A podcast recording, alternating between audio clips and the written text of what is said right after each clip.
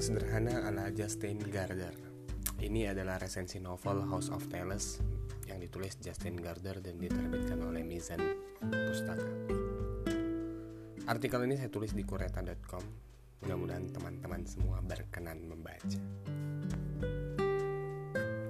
Aku tidak lagi merasa bahwa aku sedang duduk di sini dan memikirkan diriku sendiri. Makin lama aku merasa bahwa saat ini aku sedang menulis atas nama seluruh alam semesta. Albert dalam House of Tales karya Justin Gardner. Justin Gardner memang garansi bagi bacaan yang bermutu.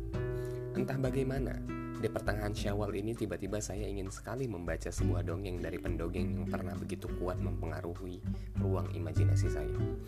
Pertama kali saya bertemu dengannya pada 2012 di tahun-tahun awal saya memasuki dunia kampus. Pertemuan itu membuat saya langsung jatuh cinta kepada Gardner. Bayangkan saja jika Anda yang sejak kecil memang mencintai dunia dongeng, khususnya dongeng tentang asal muasal berbagai daerah di Indonesia yang sungguh imajinatif, seperti Surabaya, kisah antara hiu dan buaya. Kemudian Danau Toba, kisah percintaan seorang pemuda dan siluman ikan, dan berbagi kisah lainnya. Kemudian di suatu hari Anda berhadapan dengan dunia Sopi yang adalah perpaduan antara dongeng, sejarah, kilasan pemikiran orang-orang besar dari masa lampau. Bagaimana bisa Anda tidak mencintai Gardner dengan cerita yang ditulisnya? Yang tiap halamannya adalah kemegahan dari masa lampau, refleksi di hari ini, bahkan terkaan tentang masa depan.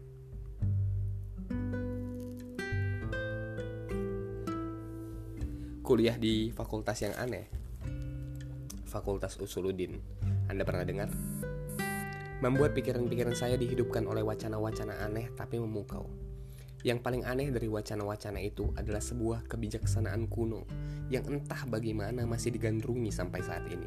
Dan entah bagaimana pula ia masih sangat relevan untuk terus-menerus dibaca, ditulis, dan dibicarakan di berbagai universitas di dunia. Wacana itu kini juga merupakan sebuah disiplin ilmu yang kita sebut dengan filsafat Tentu tulisan ini tak ingin lebih jauh mengeksplorasi pengalaman personal saya tentang filsafat dan bangku kuliah. Kita akan mulai sangat fokus kepada Gardner dengan House of Tales-nya yang membosankan. Saya akan jelaskan ini di paragraf-paragraf berikutnya apa yang saya maksud dengan membosankan. Gardner adalah seorang penulis novel, intelektual, penulis cerita pendek, dan buku anak-anak yang berasal dari Norwegia. Ia adalah seorang penulis yang memang menulis dari sudut pandang anak-anak bagi mereka yang pernah membaca dunia Sopi, mungkin akan sangat mengingat perkataan salah satu tokoh di novel itu yang mengatakan bahwa anak-anak dan filosof punya kesamaan, yaitu kepekaan mereka dan rasa penasaran yang besar akan hal-hal baru yang jarang dimiliki orang dewasa pada umumnya. Mungkin sebab inilah Nietzsche sering kali mengasosiasikan Ubermensch dengan kekanak-kanakan yang sungguh memukau itu. House of Tales ini diterbitkan oleh Mizan Pustaka pada 2019. Buku ini diterjemahkan dari versi bahasa Inggrisnya yang berjudul Enlightened Foretelling of Neston Out. Diterjemahkan oleh Irwan Syahrir dengan tebal 160 hala 168 halaman, lengkap dengan desain sampul buku yang sungguh keren. Seperti biasa, Mizan memang begitu. Buku ini sangat menarik perhatian saya sebagai seorang fans berat Gardner.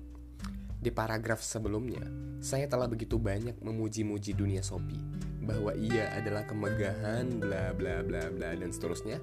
Tidak seperti dunia Sopi yang tiap halamannya bahkan sering kali tiap paragrafnya adalah ledakan-ledakan imajinatif House of Tales malah lebih membosankan.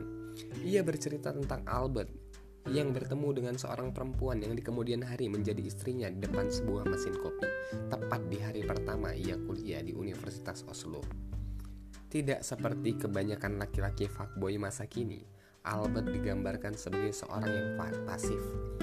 Meski di kedalaman perasaan dan pikiran-pikirannya ia sungguh aktif.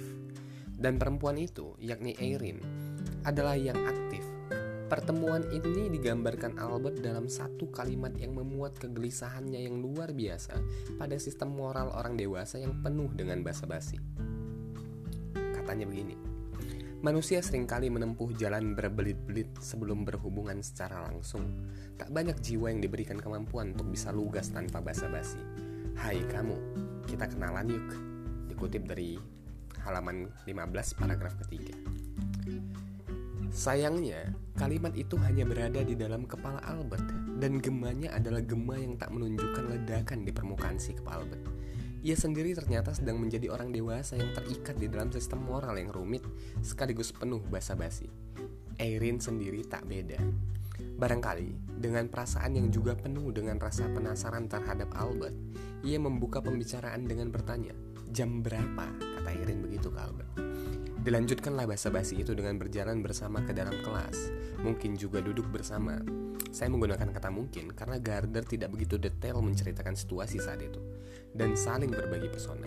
Dan hari pertama kuliah itu menjadi sangat indah bagi Albert karena hari sesudah itu adalah tumpukan kesenangan, cinta, dan petualangan sepasang kekasih yang sungguh berbeda. Sepasang kekasih itu sungguh berbeda. Albert dan Erin adalah sepasang kekasih yang sungguh berbeda. Tepat pada kalimat itulah inti dari cerita cinta mereka berdua. Albert kuliah di astronomi dan Erin mengambil bidang mikroorganisme. Oke, yang satu astronomi, yang satunya lagi mikroorganisme. Yang satu berpikir tentang galaksi yang luas, dan yang lain berpikir tentang bakteri dan makhluk-makhluk kecil. Perbedaan ini digambarkan Albert secara puitis melalui kalimat ini. Saya kutipkan kalimatnya. Di antara kami berdua, akulah yang memandangi semesta malam dengan lebih intens. Aku adalah humanis yang menyukai astronomi. Agak berbeda dengan Erin. Dia lebih gampang mengarahkan perhatiannya pada planet kita ini. Pandangannya lebih tajam mengenai segala hal yang hidup dan bergerak di sini. Dikutip dari halaman 98 paragraf pertama. Perbedaan semacam ini tentu sudah ada sejak pertemuan pertama mereka di sebuah di depan sebuah mesin kopi. Setidaknya ya mereka berbeda jenis kelamin lah. Apa yang mempersatukan mereka adalah ketertarikan yang memang ada pada masing-masing mereka. Saya sendiri melihat House of Tales yang merupakan judul dari novel ini adalah sebuah rumah yang disinggahi mereka dalam suatu kesempatan. Maaf, saya ralat bukan disinggahi, tapi disusupi saat mereka sedang berjalan-jalan di hutan, mereka menemukan sebuah rumah yang terkunci, dan kemudian mereka memaksa masuk ke rumah itu dengan membuka paksa pintunya menggunakan sebuah linggis. Rumah itu kemudian menjadi tempat mereka pertama kali menemukan titik koordinat antara keduanya. Keduanya dipersatukan dengan cinta yang malam itu telah membentangkan banyak cerita dalam bentangan waktu yang tanpa mereka sangka bertahan puluhan tahun. Di kemudian hari, rumah yang pernah mereka susupi sejak secara tidak sopan itu kemudian mereka beli. Tepatnya 10 tahun sejak kejadian itu, sejak mereka membobol masuk ke rumah itu. Albert juga punya kalimat yang sungguh bagus tentang titik koordinat di mana perbedaan antara keduanya dipertemukan. Ingat, yang satu astronomi, yang satu mikroorganisme. Ini kalimat Albert saya kutipkan. Namun terkadang ada saat-saat koordinat kami bertemu di titik-titik persentuhan antara pelarianku di angkasa dan pengamatannya akan berbagai bentuk kehidupan yang membumi. Dikutip dari halaman 98 paragraf kedua, kutipan lain. Misalnya, saat Erin harus memberi nama satu mikroorganisme, bakteri biru hijau Nostoc aerinae. Sangatlah pantas menurutku Suatu hari, Erin dengan mata gletsernya menemukan satu spesies bakteri biru hijau baru yang dulunya bisa biasa disebut alga biru hijau. Meskipun dibilang baru, spesies ini termasuk organisme paling tua di planet kita yang melalui mekanisme fotosintesis secara bertahap menciptakan atmosfer beroksigen yang memungkinkan berkembangnya bentuk kehidupan lain seperti kita. Menurut para astronom, kita hidup di sebuah planet batu yang berada dalam wilayah yang disebut zona rambut emas yang mengelilingi matahari di luar angkasa. Zona ini tidak terlalu dingin sehingga kehidupan dapat tumbuh dan berkembang dan tidak terlalu panas juga, tapi pas sekali. Halaman 98 paragraf 3 sampai 4. Seperti mereka yang dipersatukan melalui cinta di rumah dongeng, begitu Albert dan Erin menyebutnya.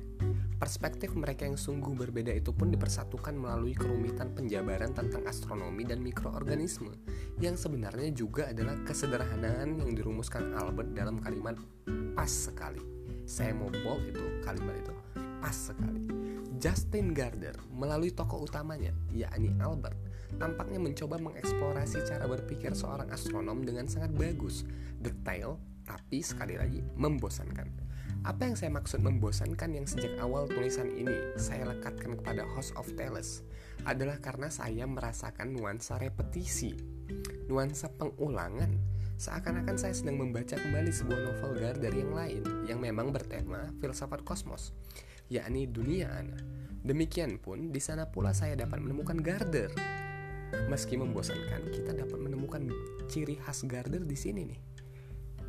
Yakni pada tiap-tiap detail yang sangat meledak-ledak Membaca novel ini adalah seperti mendapatkan mutiara di dalam cangkang sebuah kerang di tengah lautan yang luas. Oke, jadi ledakan-ledakannya itu di tiap detailnya aja. Gitu tuh. Nggak seperti dunia Sopi tadi yang setiap paragraf halaman kalimat adalah kemegahan dan ledakan gitu. Seperti judulnya House of Tales, kisah tentang cinta dan keabadian.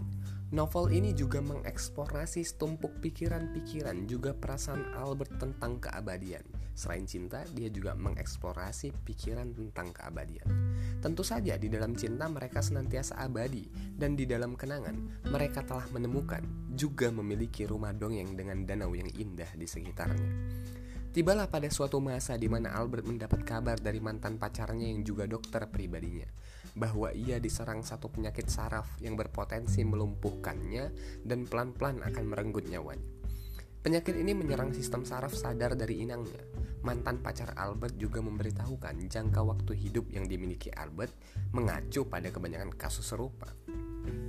Albert sungguh terkejut dengan vonis itu. Justru keterkejutannya membawanya pada sebuah perenungan tentang pembentukan galaksi dan seluruh alam semesta dan kebingungannya tentang eskatologi yang sejak awal tampaknya tidak begitu diyakininya.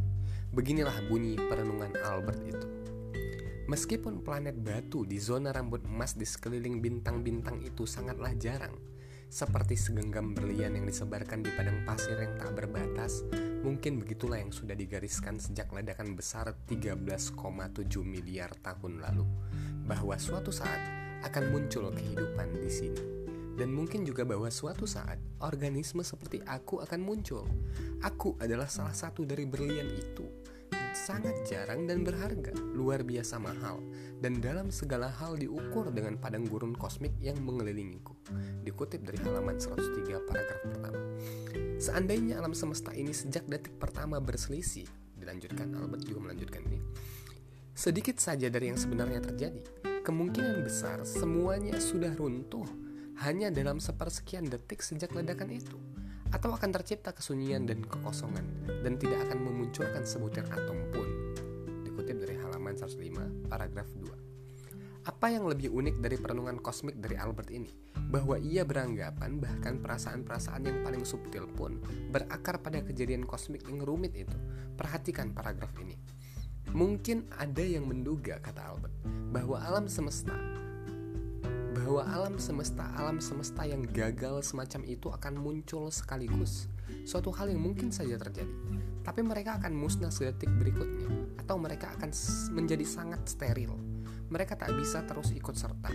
Mereka tidak bisa terus memunculkan atom-atom bintang-bintang atau gajah-gajah dan tentu saja tidak juga kepedihan hati yang sedang kucurahkan dalam buku tamu ini dikutip dari halaman 105 paragraf ketiga.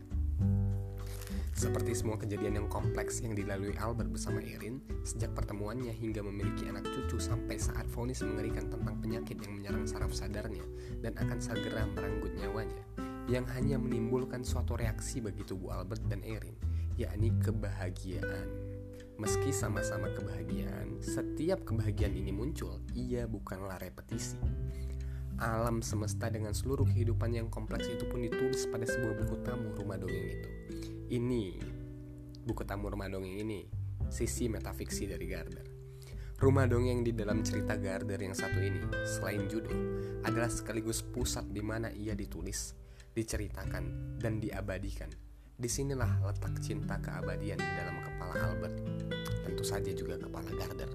Di dalam kerumitan yang sekaligus sungguh sederhana, aku merasa Waktu yang masih tersisa tidaklah terlalu panjang dan terlalu pendek. Mungkin boleh dibilang pas sekali. Ini nih kutipan terakhir dari buku itu. Paragraf terakhir dari buku itu.